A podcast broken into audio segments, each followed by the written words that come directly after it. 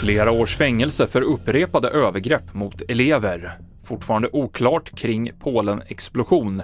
Och inga bilar vid våra skolor, säger rödgröna i Stockholm. Det handlar om i TV4-nyheterna som börjar med Ukraina-kriget.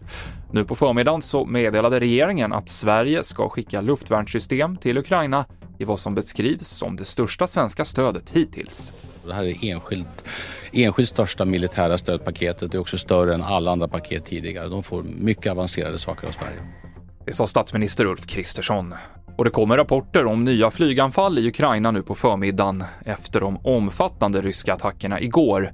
Det är fortsatt oklart om det är Ryssland eller Ukraina som är ansvarigt för den robot som slog ner i Polen igår kväll och dödade två personer.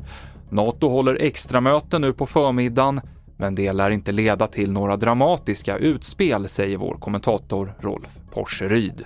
Ja, de utreder förstås eh, så långt det går att utreda. Det här är osäkert och oklart kommer det vara säkerligen under dagen vem som låg bakom attacken om inte Ukraina eh, tillkännager att det var dem. Jag tror inte att det kommer utlösa någon vidare stor aktivitet. Naturligtvis förhöjd säkerhetsbevakning av området men inte så att man tar till några extraordinära åtgärder i det här läget. Och det blir en pressträff med NATO-chefen Jens Stoltenberg klockan 12.30, alltså om en halvtimme ungefär. Den sänder vi direkt på tv4.se. Det blev fyra och ett halvt års fängelse för den lärare i Borås som var åtalad för sexualbrott mot 15 elever på skolan där han tidigare jobbade. Han döms bland annat för ett fall av våldtäkt mot barn och de här brotten ska ha pågått under flera års tid.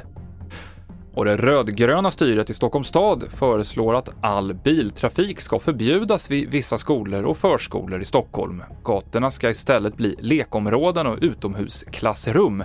I praktiken kan det här påverka hundratals skolor runt om i huvudstaden, skriver DN. Och det avslutar TV4-nyheterna med Mikael Klintevall i studion.